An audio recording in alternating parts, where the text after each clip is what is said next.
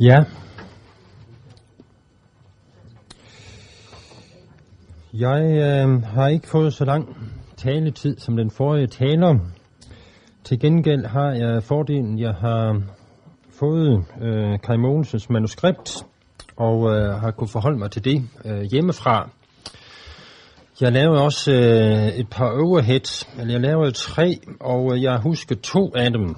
Det er jo for, at det skulle gå lidt stærkere nogle af tingene. Så har jeg sådan skrevet Børge mener og Kai mener, og sådan, men, men øh, midt i det hele, så er der altså en historie, I må undvære. Men øh, hvis vi lige tænder et dyr der, så er der altså en, der skal styre den. øh, det emne, vi øh, har på dagsordenen i dag, det er altså, om der findes en eller to udgange af dommen øh, ved Jesu genkomst. Spørgsmål, det er ikke øh, de forskellige vildskud i forkyndelsen af frelse og fortabelse, der er været op gennem kirkens historie. Der var jo ellers nok at tage fat på, både i oldkirken, i den katolske kirke, i pietismen, i vækkelsesbevægelserne og i nyere tid. Men det er selve spørgsmålet, om der findes en og kun en, eller der findes en dobbelt udgang for menneskeheden i den endelige dom. Det er det emne, der er på dagsordenen.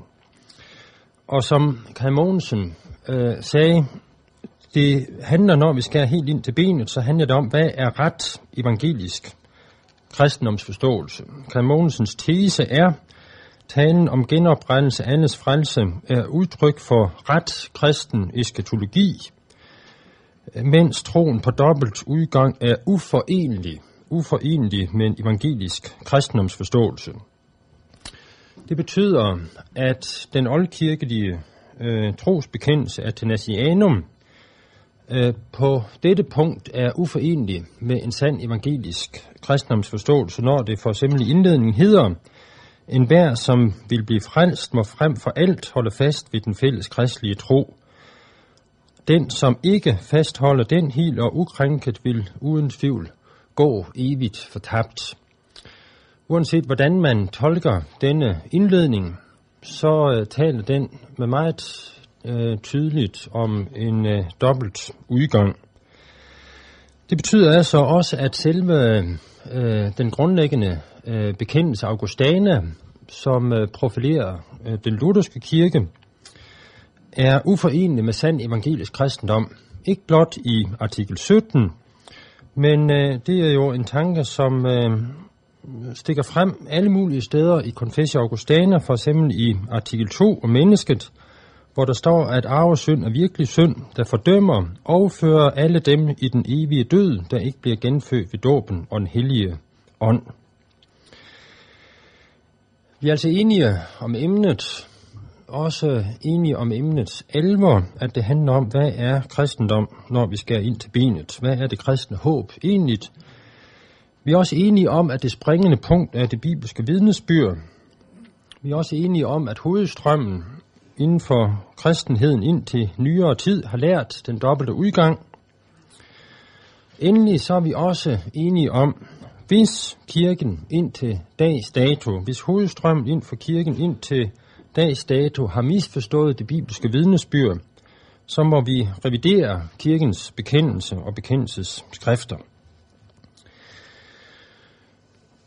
Så går vi så til øh, det bibelske vidnesbyrd, og nu prøver jeg sådan at køre igen. Vi skal have det afdækket, der har med Gamle Testament at gøre. Vi kører sådan lidt længere ned. Så bruger jeg de folkelige betegnelser Kai og Børge. Det er for at skille mellem, hvornår jeg refererer, og hvornår jeg udtrykker min egen uforgribelige mening. Det er, øh, det er meget øh, befriende, at Kai Mogensen ikke hopper på den vogn, som øh, vi ellers ofte hører at i Gamle Testamente, der er Gud den straffende og dømmende, og i Nye Testamente er Gud den nådige og barmhjertige. Nej, også i Gamle Testamente er Gud frelsens, befrielsens og velsignelsens Gud.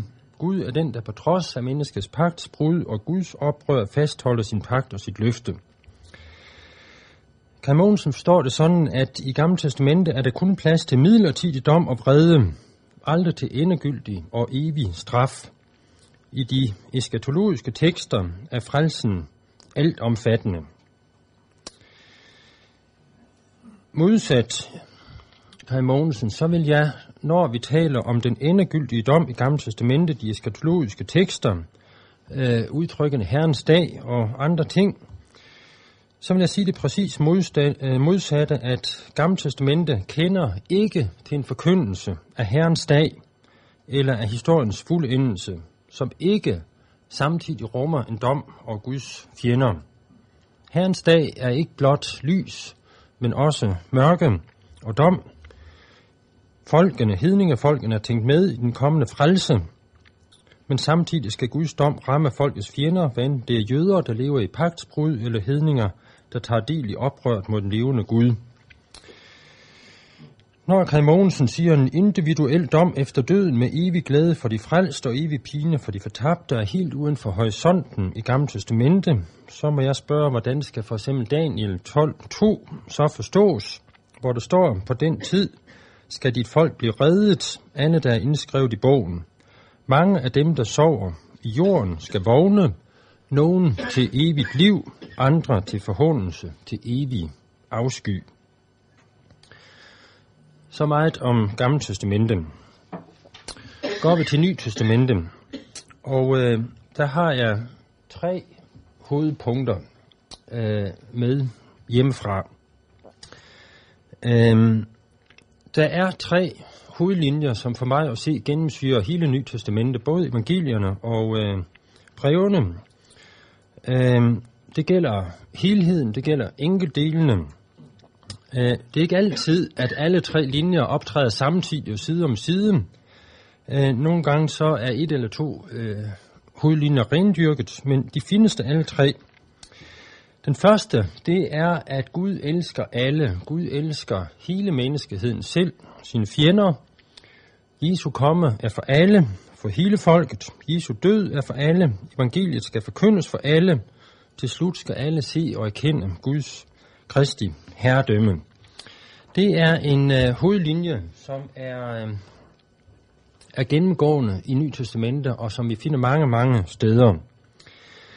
Den anden hovedlinje, som også er gennemgående, det er, at Jesu komme havde en dobbelt virkning. Det blev til fald og til oprejsning.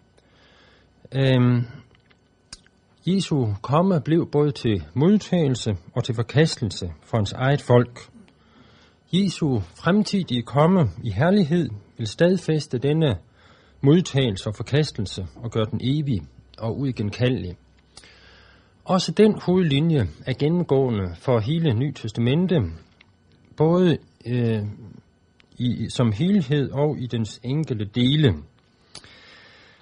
Den tredje hovedlinje, det er, at når et menneske modtager Kristus og bærer troens frugt, når det øver det gode, så er det altid Guds gerning og gave.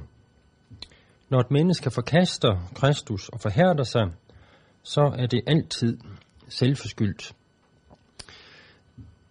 Det for mig at se interessante, det er, at der er nogle centrale afsnit i Nyt Testamente, hvor at øh, de tre hovedlinjer er sammentænkt og står side om side. I lignelseskapitlet hos Markus, Markus kapitel 4, øh, der findes de tre hovedlinjer side om side. I uh, Johannes prologen, indledningen til Johannes evangeliet, der findes uh, det det med logos og lyset, der skinner i mørket, modtagelsen af lyset, uh, troen som Guds gerning og gave og forkastelsen som menneskets uh, eget ansvar. Der findes det igen sammentrængt, og alle tre hovedlinjer optræder side om side. I øh, det afsnit fra Romerbrevet, som Karl Mogensen også nævnte, Romerbrevet 9-11, der har vi igen et eksempel på, at de tre hovedlinjer, de findes side om side. Øhm, og, øhm, og derfor tror jeg ikke, det er, hvad skal man sige, tilfældigt, at, øh, eller jeg tror, at den sammenfatning her har givet af, af nogle bibelske anlæggende, det er øh, noget, som udspringer af en læsning af de centrale tekster i Nyt Testamentet selv. I modsætning, modsætning til det, som vi hørte før, modsætning til det, Kai Mogensen siger, det er jo, at det er jo ikke punkt 1. Øh, her har vi ligesom en fælles nævner. Modsætning, det er øh, punkt 2, hvor Kai Mogensen kun vil tale om en midlertidig afvisning og forhærdelse. De mennesker, som her på jorden afviser Kristus, de vil i det nu, hvor de møder Kristus som dommer, fordel i troen og den evige frelse. Der findes ikke en uigenkaldelig forkastelse. Øhm, modsætning, det er også punkt 3, øhm, hvor at, at selve forkastelsen, øhm, den er altid midlertidig i, i Kai Mogensens øhm, sammentænkning. Øhm, jeg vil godt bede især Kai Mogensen om at lægge mærke til punkt 3, øh, fordi du ofte også i den offentlige debat både beskyldt os for fariseisme og beskyldt os for øh, en øh, sådan en postmoderne tanke, hvor at vi, øh, vi tager udgangspunkt i, i, i menneskets frie vilje. Det er i hvert fald ikke det, der er vores anlæggende. Øh, vi forsøger at være meget bevidst om, at øh, det er ikke menneskets egen afgørelse, der bestemmer dets evige skæbne. Øh, når et menneske bliver frelst, så er det altid Guds gerning og gave. Men øh, vi fastholder altså paradokset på det punkt. Øh, rent logisk, så må man jo ud fra det ene udelukke det andet og modsat. Men øh, på det som på så mange andre punkter i Guds ord, og i øh, teologien, der må vi altså operere med, med paradoxer. Det må vi også her. Ja. Øhm. Når Kai Mogensen siger, at Jesus aldrig stiller sine tilhørere i valget mellem evig fortabelse og evig frelse, øh, og siger det så tilspidset, så øh, følger jeg mig foranledigt til at sige, Jesus stiller altid sine tilhører i valget mellem evig frelse og evig fortabelse. Øh, Jesu forkyndelse, det var aldrig blot til venlig orientering. Øh, han stiller altid sig selv i den afgørende position. At modtage og kende ham, det er det evige liv, og forkaste og afvise ham er den evige død. Han siger faktisk begge dele, både modtagelse og forkastelse. Jesu lignelse forstår kan Mogensen sådan, at lignelsen gør som sprogbegivenhed i Guds rige gældende i et levende billede, og inddrager tilhørende Guds rige som gave og fordring. For mig at se, at det en integreret del af den sprogbegivenhed, øh, det er advarslen ved at forkaste Guds rige, det Guds rige, der er kommet nær i Jesu forkyndelse, og en tydeliggørelse af konsekvenserne ved at forkaste det. Det er også en del af Jesu Guds rige forkyndelse og del af hans lignelses forkyndelse. Jesus truer ikke med evig fortabelse. Nej, Jesus truer ikke. Truer, det er et magtsprog. Men han advarer på en meget direkte måde. Advarer, det er en del af kærlighedens sprog. Det sker både i lignelsestekster og i ikke-lignelsestekster. Og lad os så bare tage fat på det konkrete. Her havde jeg simpelthen nogle geniale sammenfatninger. Dem, øh, dem får jeg nu mundtligt. øhm, Lignelsen om den rige mand og Lazarus har et etisk motiv. Vi skal tage os af de fattige. Skildringen af særligheden hos Gud og pinen borte fra Gud, det er et billedsprog, som skal understrege hovedmotivet. Sådan forklarer Karl Mogensen lignelsen om den rige mand og Lazarus.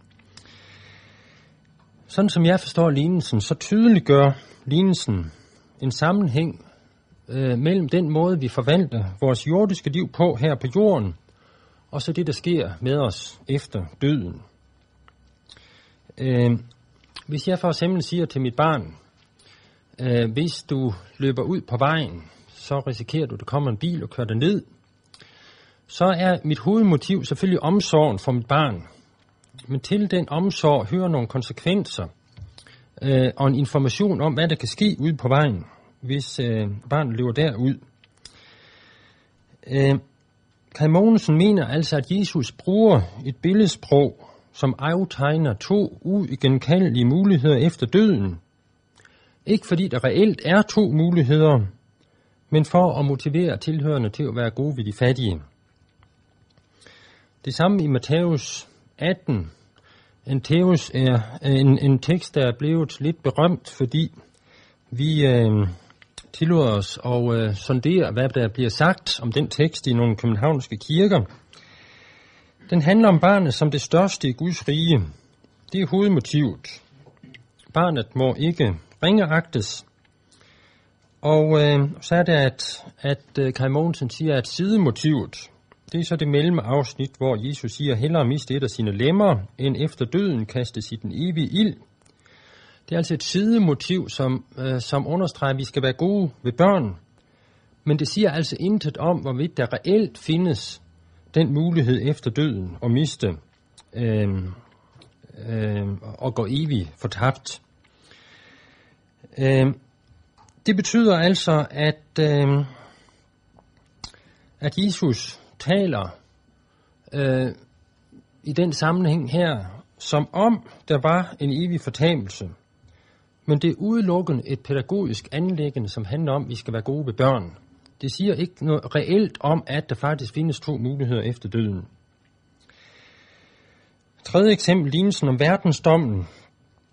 Det handler om den nødstede næste, siger Kai Mogensen. Når Jesus siger, gå bort fra mig til den evige ild, der er beredt djævlen hans engle, så siger den intet om, hvorvidt der reelt findes en dobbelt udgang. Men det er et billede, som skal understrege alvoren ved at tage sig af, øh, vigtigheden og alvoren ved at tage sig af sin næste. Jesus bruger altså så alvorlige ord, gå bort til den evige ild, men han mener ikke det, han siger. Det er blot et pædagogisk hjælpemiddel, som skal få os til at huske på vores fattige næste. I søndags, der havde vi teksten, de der er i gravene, skal høre hans røst og gå ud af dem. De der har øvet det gode for at opstå til liv, de der har gjort det onde for at opstå til dom. Øh, fra Johannes 5. Øh, Kai Mogensen var så venlig at tilsende mig sin prædiken, så jeg ved, hvordan øh, teksten blev udlagt på ty. Øh, de, der har gjort det gode, hvem er øh, den, som egentlig gør det gode? Jo, det er, når vi skal ind til benet Jesus selv. Hvem er de, der har øvet det onde? Jo, det er jo hele menneskeheden. De skal opstå til dom, nemlig en frikendelsesdom og gå ind til evigt liv. Dermed kommer teksten altså til at sige, når Jesus kommer igen og skal kalde de døde frem af graven, hvem skal han så kalde frem af graven? To grupper. I den ene gruppe er Jesus selv. Han er den gode. Jesus skal altså kalde sig selv frem af graven. I den anden gruppe, der er hele menneskeheden, de der har øvet det onde. Jeg er ikke selv overvist om, at den daværende tilhører har hørt teksten på den måde. I Emdrup Kirke, der ved jeg også, hvordan teksten blev udlagt. Øh, der sagde jeg følgende. De, som har gjort det gode, det er i sammenhæng dem, som har hørt og modtaget Jesu ord. Sådan som det øh, udfoldes i vers 24 i samme tekst, og sådan som Johannes altid udlægger det kristologisk. De, der har gjort det gode, de, der har øvet det onde. De, der har øvet det onde, det er så i sammenhæng dem, som har afvist Jesu ord. Jesus siger altså her i klar tekst, at der er to muligheder efter døden. Evig dom eller evig frelse. Øh, det samme kan egentlig siges om, øh, om de andre tekster i øh, Ny Testamente, som har været op og, og vende. Øh, der er nogle gange i Ny Testamente, hvor det er punkt 1, som er hovedmotiv og som rendyrkes. Andre sammenhænge, der er det punkt 2 eller punkt 3, Øh, men Ny Testamente fastholder altså alle tre punkter som hovedmotiver. Det at øh, Paulus i Filipperbrev kapitel 2 lovpriser Gud i forlængelse af, af punkt 1, det betyder ikke, at ordene i Filipperbrev kapitel 3 om, at de ender i fortabelsen, buen af deres Gud, at øh, det ord ikke skal tages for pålydende. Paulus siger både det ene og det andet. Han siger både punkt 1 og punkt 2 og punkt 3. Hverken Paulus eller evangelisterne, de helgarderes ikke altid. Det er klart, hvis man ligesom isolerer et punkt, så kan man godt øh, tolke enkelt afsnit, sådan at øh, det udelukker de to andre. Men øh, der er det altså vigtigt, at vi tænker hele øh, skriftens vidnesbyr med. Øh, man må spørge, hvis klimaks og pointen i Paulus teologi er, at alle frelses til, til slut, Hvorfor taler han så tydeligt og så direkte om mennesker, der går evigt fortabt? Altså, Kai Mogensen har en systematisering af Paulus, som direkte modsiger Paulus' egne ord om evig fortabelse som en fremtidig mulighed og virkelighed. Hvis alle frelses til slut, hvorfor har Paulus så disse tydelige og direkte ord om to muligheder efter døden? Nu er vi så kommet til nogle dogmatiske overvejelser. Øh, vi er havnet i den situation, hvor at, øh, at vi to præster har det samme begrebsapparat, men tolker dem i vidt forskellig retning. Når Kamonsen siger fortabelse, så er det altid en dennesidig kategori. Det er at være prisgivet synden og døden. Menneskesynden er kommet for at opsøge og frelse det fortabte. Frelsen kommer altid efter fortabelsen. Det er altid en dennesidig kategori. For mig er fortabelse både nutid og fremtid. Jesus taler tydeligt om fortabelse, både i futuriske, eller både i præsentiske og futuriske begreber. Hellere gå vandfør gennem livet, end med begge hænder og fødder i behold og kastes i den evige ild. Frygt ham, som efter at slå ihjel har magt til at kaste i helvede. Altså, vi har tydelige udsagn af Jesus, hvor han sondrer mellem den timelige, øh, de timelige vilkår, og så den futuriske, den evige fortabelse. Han sonder mellem hellere, hellere miste velfærd i dette liv, end at øh, miste det evige liv. Jesus taler altså tydeligt om øh, fortabelse, også i futuriske termer. Ordet, dommen, de får vidt forskellige betydning. Vi øh, bruger trosbekendelsen i begge kirker, men øh, vi mener faktisk øh, noget vidt forskelligt med samme trosbekendelse. Øh, for Kai Mogensen, så findes der en dom, men øh, dommen er, at det gode i vores liv belønner med Guds glæde, men det onde det bliver fremlagt og tilgivet. Alle bliver dømt i betydning kan skyldig, men bliver i samme sekund frikendt. Dommen er en frikendelsesdom. For mig er problemet med den tolkning, at Ny Testamente tydeligt taler om den endelige dom, øh, ikke som går igennem det enkelte menneske, øh, men som deler menneskeheden i to dele. Øh, det lyder igen og igen i Jesu forkyndelser og i brevene. Kom hid, gå bort. Nogle andre. Der tales om de to veje. Den ene fører til livet, den anden fører til døden. Øh, der tales om de to huse. Der tales om, at nogen, går, nogen tages med, andre lades tilbage. Sprogligt og savligt, så lader det sig simpelthen ikke gøre at tolke disse Jesu ord sådan, at begge grupper omfatter hele menneskeheden. Selve sproget, det modsiger en sådan tolkning. Det gælder også øh, ordet forudbestemmelse eller udvælgelse, som jo er et af Bibelens nøgleord. Kai Mogensen siger, at alle mennesker er forudbestemt til frelse. Mennesket kan nok her i tiden forhærde sig med Guds kærlighed, men ikke i for evigt. I evigheden vil Guds kærlighed sætte sig igennem. Øh, jeg mener, det er vigtigt sammen med Luther og de lutherske at, øh, at tale om udvælgelse i de tre punkter, jeg her har skitseret med de paradoxer for tanken, som de fører med sig. Øh, så nævner Kai Mogensen øh, ligesom fire muligheder, fire argumenter, Gud kan og vil øh, øh, om, øh, om mulighederne efter døden, øh, forhold mellem Guds almagt og Guds kærlighed. Det er jo egentlig en gentagelse af det, som øh, Epikur i sin tid øh, sagde om øh, omkring øh, Gud og det onde. Hvis Gud er god og kærlig, øh, hvordan forholder de sig så til det onde? Øh, og jeg mener, man må medgive Epikur og hans efterfølgere, at hvis man tager udgangspunkt i abstrakte begreber, at Gud er kærlig og almægtig, så bliver og forbliver det onde i verden en gåde. Vi kan ikke ud fra abstrakte begreber slutte os til, øh, hvordan øh, forklare det ondes oprindelse, det ondes eksistens, øh, eller øh, den, det ondes fremtidige øh, virkelighed. Øh, vi må erkende, at både den timelige fortabelse, det onde lidelserne i verden nu, og den evige fortabelse, det er og forbliver en gåde for tanken. Kristendommen giver øh, et frelse historisk perspektiv, men den svarer ikke på det ondes problem. Øhm, det dybeste lag i vores uenighed, det handler om, om selve Guds billedet. Jeg tror ikke, at vi er så uenige om, om selve det med menneskets frihed. Der har jeg i hvert fald forsøgt at redegøre for, hvordan jeg forstår det. Men øh, det springende punkt, når vi skal ind til benet, det er det bibelske gudsbillede. Øh, Bibelens Gud er for mig at se en enhed af kærlighed og hellighed. Når Gud møder det faldende menneske i sin herlighed, så møder mennesket den fortærende ild, så møder det sin dommer. Hvis Kristus ikke går imellem som stedfortræder, så er vi fortabte.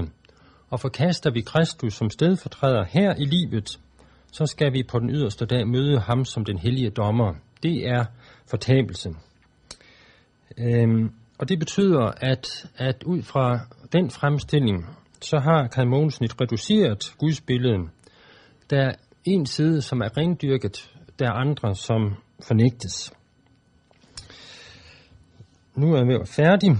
I øh, søndags, der deltog jeg i øh, Dansk Flygtningehjælps landsindsamling, gik rundt med sådan en raslebøse i, øh, nogle, øh, på nogle københavnske veje.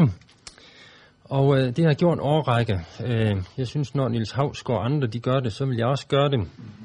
Øh, og, øh, og så møder man københavner, de er hurtige på aftrækken. Man møder sådan øh, en, en række holdninger til, til sådan nogle projekter. Går det hele ikke til administration, og nytter det noget, og alt det der. Men øh, øh, en gang for nogle år siden, der mødte jeg en, øh, en indvending, som ikke stod, man får altså sådan en vejledende manual, hvad man skal sige. Der mødte jeg en indvending, som, som jeg havde meget svært ved at forholde sig til. Det var en mand, som sagde til mig, at øh, om jeg godt var klar over, at det er det rene svindel, det med, at der er, er nød i verden, at folk dør af sult og det der. Og øh, så troede jeg først, han, øh, han, han lavede grin med mig, og jeg spurgte, om han ikke havde fjernsyn. Øh, men han mente det faktisk fuldstændig grav alvorligt. Øh, og så kom jeg ligesom i defensiven. Jeg sagde, at jeg havde en bror, som selv havde arbejdet nede, og, og jeg kendte pålidelige mennesker osv., men han blev simpelthen ved med at fastholde, at, at det er et nummer, som man har lavet for at lokke penge ud af folk. Og jeg tror faktisk, han, øh, han mente det i fuldt alvor. Øh, det har tænkt over, så er faktisk lige siden, fordi egentlig ville jeg forfærdelig gerne, at han havde ret. Det er ubærligt at tænke på den nød, der er i verden. Øh, både den timelige og den evige fortabelse, selve tanken, den er jo ikke til at holde ud. Men øh, bevidensen om den timelige fortabelse, der findes, den er så talstærk, at, øh, at jeg har bøjet mig for det, og forsøger at tage nogle konsekvenser, personlige konsekvenser af det.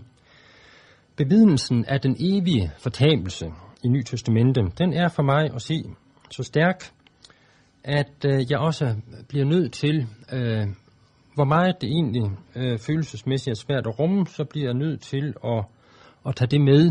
Og øh, jeg lader den bibelske tanke så få nogle personlige konsekvenser for, hvordan jeg forvalter mit, øh, mit, øh, mit liv og mine ressourcer. Øhm,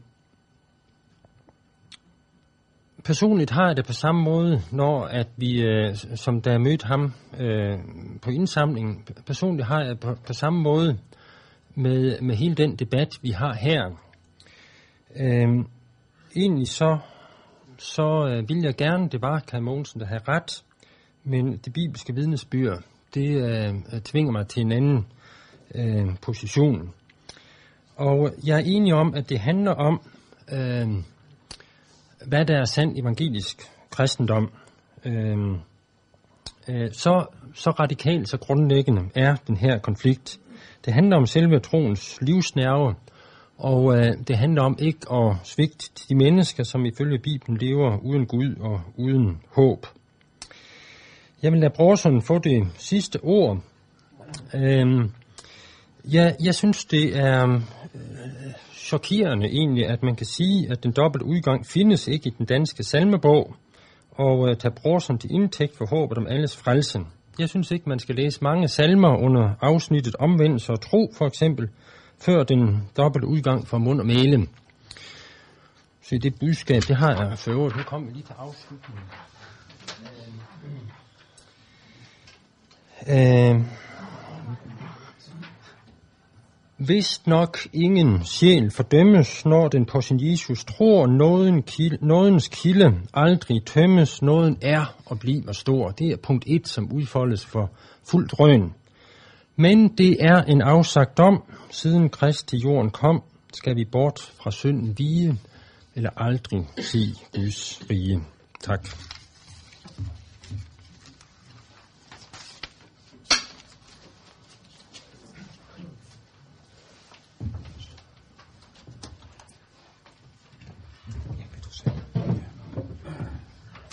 Ja, øhm, nu har vi jo egentlig haft der planer om, at vi skulle have haft øh, god tid til øh, debat. Øh, det bliver vi nødt til at indskrænke lidt i hvert fald. Kan lige høre, om, om I vil kunne blive her til klokken halv, hvis det skulle være. Ja, jeg kan godt Hvis vi siger fem minutter i halv, kan det ikke? Okay. Så bliver vi ved til 5 minutter i halv. Øhm. Sådan efter god øh, paneldebat skik, så burde du have ordet for at sige, om du, om, om, om du føler dig mistolket i øh, ekstrem grad. Øh, hvis ikke det er tilfældet, så vil, øh, synes jeg, vi skal give øh, ord til, til andre, der måtte have spørgsmål.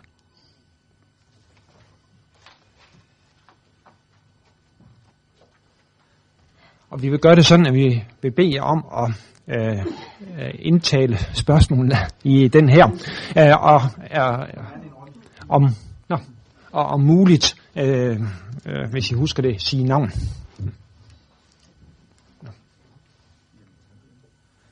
Øh, jeg hedder Torben Jensen. Øh, til Kai Mogensen, forestiller du dig virkelig, at, at det var øh, i sidste ende ligegyldigt for Paulus, om han nåede folk, eller han ikke nåede dem med evangeliet? Altså, en, en, en død romer, øh, som ikke var nået med evangeliet, der var det lige meget, om, han, øh, om Paulus havde nået ham eller ej. Altså, for mig virker det helt usandsynligt, men, men forestiller du dig, at sådan tænkte Paulus virkelig? Han var lige meget frelst, om han var nået eller ej med evangeliet. Sådan i sidste ende. Og det fatter jeg simpelthen ikke. Um, jeg synes, at, at selve spørgsmålet øh, afspejler, at, øh, at det at være kristen, og være medlem af en kristen menighed, at få øh, få ragt evangeliet og foragt troen, at det ikke er betydningsfuldt. Uh, det er da ikke ligegyldigt, om, om vi er kristne eller ej. Det er da ikke ligegyldigt, om vi øh, er med i et kristent fællesskab, at vi har tro, det kristne tro og den kristne håb og, og, og det kristne, kristne kærlighed. Derfor er det da vigtigt at komme ud med, med det kristne evangelium, fordi der deri er glæde og velsignelse og, øh, og frelse. Det var derfor, jeg pointerede, at i sidste ende, altså øh, faktisk, altså som sagt lidt brutalt, en død romer, ikke også? Han, han, det var lige meget for ham. Nu var han død, og så var det lige meget, om han nåede at blive kristen eller ej. I sidste ende vil Paulus betragte som lige meget. Det, det, ved- jeg ved ikke, hvad Paulus, hvordan, hvordan han ville tænke det der. Altså jeg kan kun sige, at, øh, at når, når evangeliet bliver forkyndt af Paulus eller, eller andre, så er det, fordi det er et glædeligt budskab, som mennesker kan bygge deres tilværelse på. Og derfor er det da vigtigt, at øh, evangeliet bliver, bliver bragt ud. Og det må det have været for Paulus, siden han havde så, så travlt med. Og, øh, og det må det vel også være for os.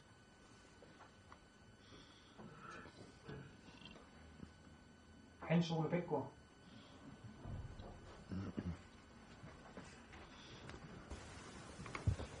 Ja, Hans Ole Bækgaard.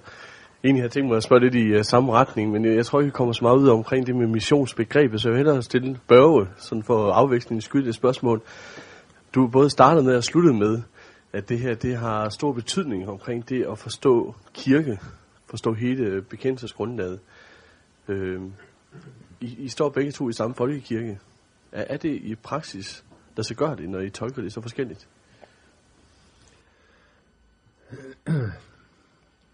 Nej, altså, øh, øh, det som jeg mener er ret evangelisk kristendom, det øh, mener Kai Mogensen er, øh, er, er en, en totalt, hvad skal man sige, misforståelse af, hvad der er evangelisk kristendom, og modsat.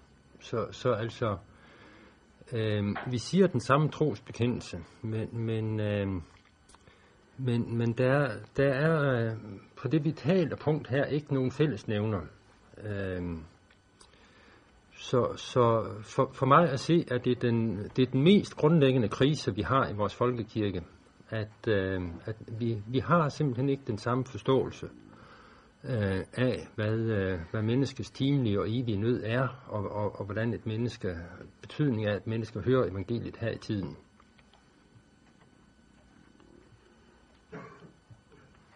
Altså, jeg kan også godt se, selvfølgelig, ja. Ja. at, at vi ser øhm, helt forskelligt på det. Hvad angår det spørgsmål om alles frelse eller, eller dobbelt udgang.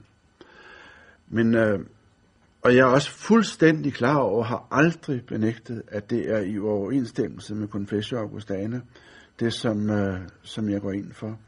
Og øh, du fremdrager også den athanasianske trosbekendelse, som Augustane jo sådan set bygger på i, øh, i det her tilfælde. Og det er også fuldstændig klar over.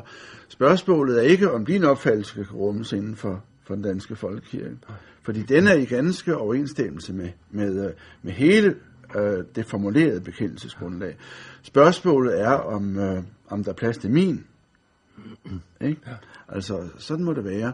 Og, øh, og, det, øh, og det er helt klar over, at, øh, at det er sådan, og har som sagt heller aldrig nogensinde lagt, lagt skjul på. Men omvendt mener jeg altså også, at, øh, at disse bekendelseskrifter øh, ikke må forhindre, at vi bliver ved med at tænke over, hvad der, hvad der er troen.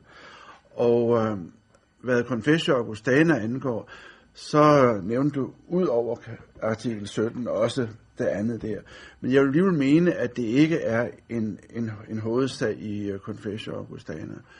Og, øh, og hvad hedder det? Øh, øh, hvad præcedens angår, jeg ved godt, det er jo ikke et argument i sig selv, ikke? så må sige, at, øh, at, at den opfattelse, at alle bliver frelst, har altså hjemstedsret i, øh, i vores kirke. Og øh, har, hvad hedder det, øh, altså det har været op i kirkerådet og alt muligt. Og, og jeg mener ikke, at det skulle være et, øh, et, øh, et lærepunkt, som udelukker folk for at kunne være præster i den danske folkekirke. Um, jeg synes, der var en ting til, jeg ville have sagt. Jo, øh, det er, at, øh, at vi ser forskelligt på spørgsmålet om, øh, om dobbelt udgang og, øh, og alles frelse. Men spørgsmålet er alligevel, om, øh, om der ikke er så meget grundlæggende til fælles, at vi skulle kunne være i den samme kirke. Altså, vi har jo begge to den opfattelse, at Gud åbenbarer sig i Jesus Kristus. At Jesus Kristus er forløseren. Vi har det, vel det samme syn på, at vi retfærdiggøres ved, øh, ved tro. At, øh, at Gud er Jesu, hvad hedder det, at Gud er Jesu Kristi far. At vi kaldes ind i en kristen menighed ved dåb, og vi har nadver til fælles. Jeg synes ikke, at det her burde være kirkesplittende. Olsen. Det, det, det kan også ske, at det bliver direkte på det her, tiden er knap. Men, men hvis, hvis du fastholder det, og bør fastholde det, han begyndte med, vil det så ikke være mest redeligt? Men jeg synes begge jeres oplæg har været, at vi i praksis får prøvet det her øh, ved, ved en lærersag herhjemme. I er begge enige om, at det er lærerstridigt, i hvert fald i ud fra Confessio Augustana. Vil det så ikke være mest redeligt for man siger, den brede folkekirkelighed at finde ud af, hvor, hvor står vi henne? Hvem har mest ret, at det her det blev prøvet af ved en eventuel lærersag? Altså, jeg, jeg vil sige til det, jeg, jeg, jeg tror ikke, at, øh, at vi kommer længere end til at, øh, at bruge ordets magt øh, i, i den sag. Øh, øh, altså, personligt, personligt, så synes jeg, det, det er svært at forstå, at man på den ene side kan sige, at det er uforeneligt øh, med evangelisk kristendom. Øh, det, som jeg står for, og det, som bekendelseskrifterne står for. Og, og, og så, på det punkt. Ja. Og så på den anden side, øh, øh, lig, ligesom sige, at, øh, at, at der må være plads til os alle sammen.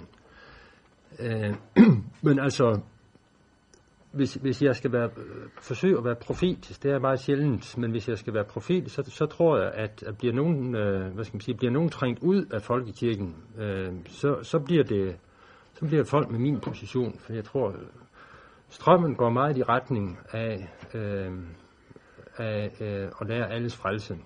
Øh, det er også det, som, øh, som vi forsøgte at, øh, at godt gøre med den undersøgelse. Øh, men altså personligt tror jeg ikke, at en lærersag vil skabe nogen som helst afklaring. Øh, men øh, jeg tror, at fornyet bibelstudium og bibelundervisning kan skabe en afklaring. Jeg vil sige det, at øh, med hensyn til, øh, til enkeltpunkter i øh, Confessio Augustana, og jeg mener også, det er selvfølgelig et vigtigt punkt, ikke? Det, fordi det, det rammer ind i så meget, og det alt muligt andet har, har sammenhæng med det. Ikke? Selvfølgelig er det et vigtigt punkt. Men altså, hvad enkeltpunkter angår i Confessio Augustana, så, så er det jo også en, en, en given sag, at øh, altså Indre Missions formand Wilhelm Bæk så anderledes på nadveren, end det er formuleret i Confessio Augustana. Ham hænger man billedet op af i missionshusene. Så jeg mener, at, øh, at der, der er altså plads for en, en, en vis uenighed med Confessio Augustane, uden at der bliver rejst lægersager. Ja, så er der et spørgsmål hernede. Christian Lund Pedersen. Øhm, sådan som jeg har forstået den øh, moderne debat om apokatastasis, så er det, der ligger bagved et, at man ønsker at opnå et entydigt gudsbillede. Og man så griber fat i øh, et gudsbillede, hvor man har Guds kærlighed som en, en radikal fjendekærlighed som centrum. Mit spørgsmål er, om man kan opretholde det som det eneste centrum, når man for eksempel i, i Gamle Testamentet ser den måde, Gud opfører sig over for sine fjender. Øh, du snakker godt nok om, at der er en tale om, at Guds fred ikke var evigt. Mit spørgsmål er, er det ikke kun over for paksfolket, det han har udvalgt? Øh, der er jo flere folk i Gamle Testamentet, som bliver udryddet af Gud på foranledning af, af Israel, eller gennem Israels folk. Øh, til synligheden viser Gud ikke fjendekærlighed over for dem. Øh, øh, folket får ordre på at gå frem på en grusom måde, for os at se i hvert fald. Kan man fastholde et, et gudsbillede, hvor, hvor Guds kærlighed kun defineres som fjendekærlighed? Det har jeg heller ikke gjort. Altså, jeg har nævnt fjendekærlighed som, øh, som en, øh, en del af, af argumentationen for, at, øh, at Jesu budskab, efter min opfattelse, er uforenelig med troen på, at, øh, at mennesker bliver sendt til evig smertefuld, øh, altså tidsubegrænset smerte, Øhm, men jeg har ikke hævdet, at fjendekærlighed er det alene, ved, som, øh, som bestemmer Guds billede. Jeg vil godt tage fat i det der med, øh, med, øh, med Guds begrebet. Øhm, om, øh, om det hellige og, og, og, og, og det kærlige.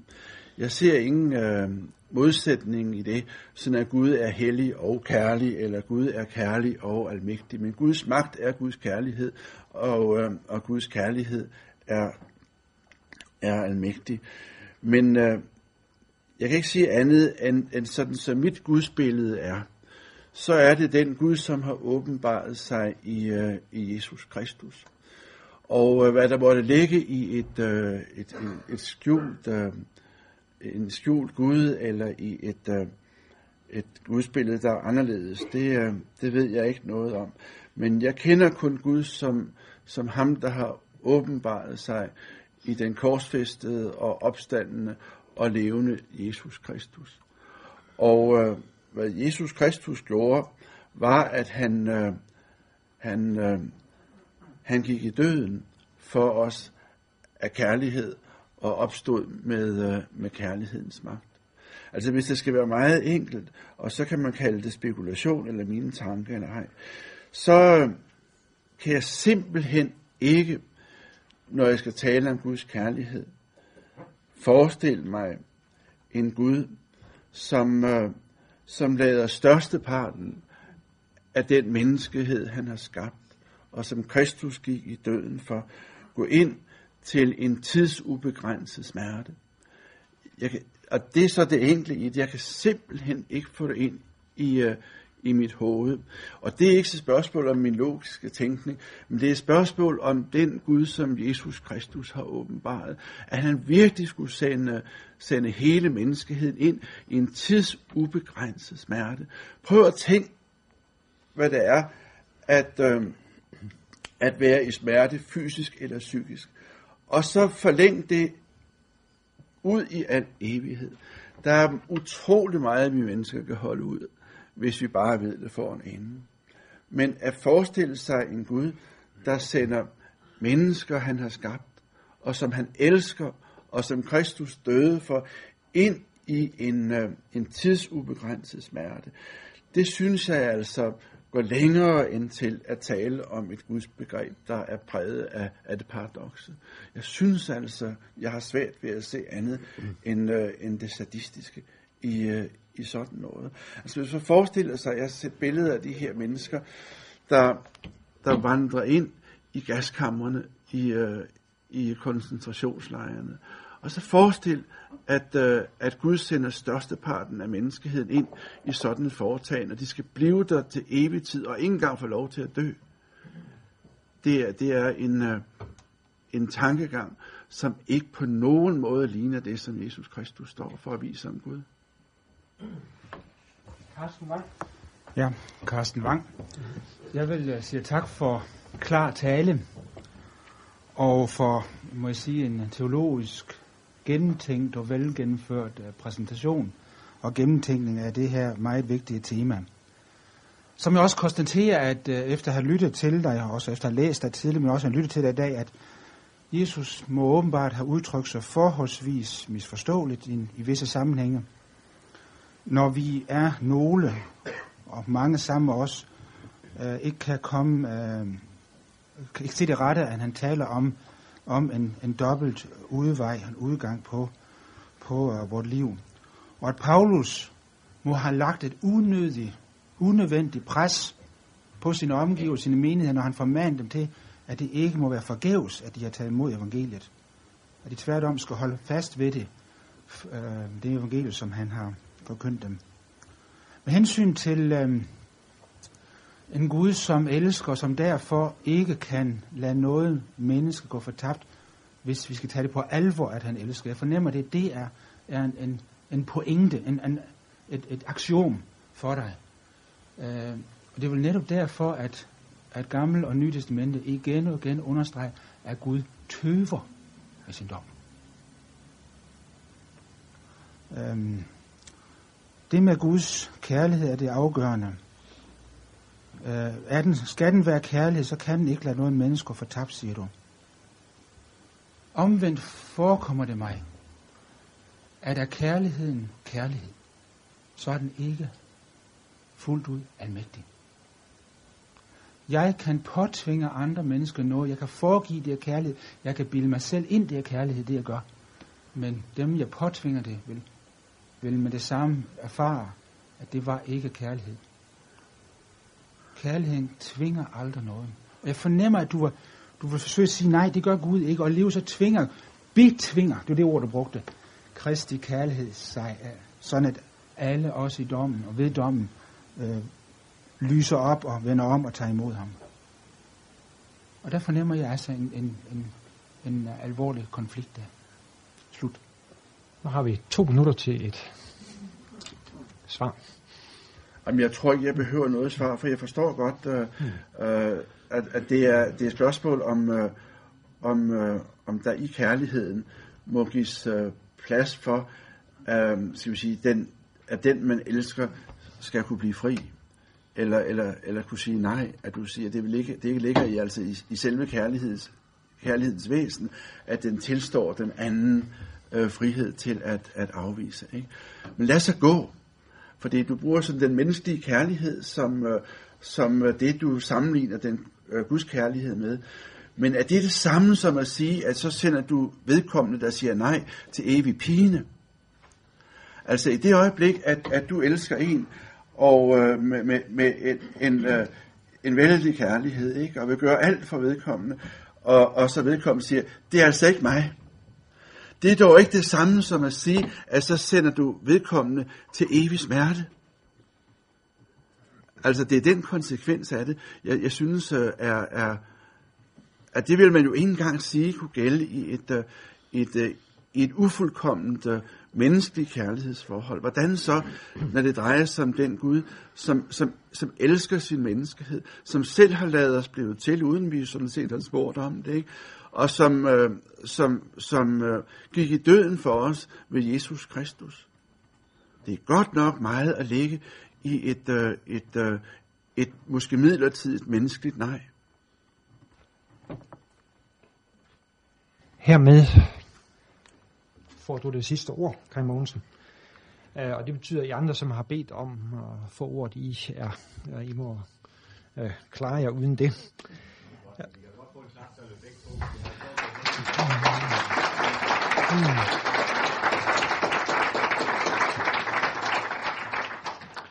Det Ja. bliver, det bliver forkert af mig at gå videre ind i argumentationen og debatten nu. Så det, det jeg vil gøre, er at sige, uh, kun sige tak for, at I har indbudt mig til det. Og jeg synes, vi har haft en uh, god og, og, uh, og sober drøftelse. Og uh, en videre, så er det i hvert fald mit håb, at, uh, at vi kan forblive i, uh, i, i den samme kirke. Jeg tror ikke, det bliver sådan, at der er nogen, der, der smider dem ud, som uh, står for også ordlyden i de gamle bekendelser. Og jeg håber, at, uh, at der, der kan blive plads til, uh, til mig også, ligesom der jo også i vores kirke har været plads til, uh, til Søren Kirkegaard, som har nøjagtigt den samme opfattelse af det her, som, uh, som jeg har. Tak til Kai Mogensen, tak til Børge, øh, og tak til jer, som kom. God weekend.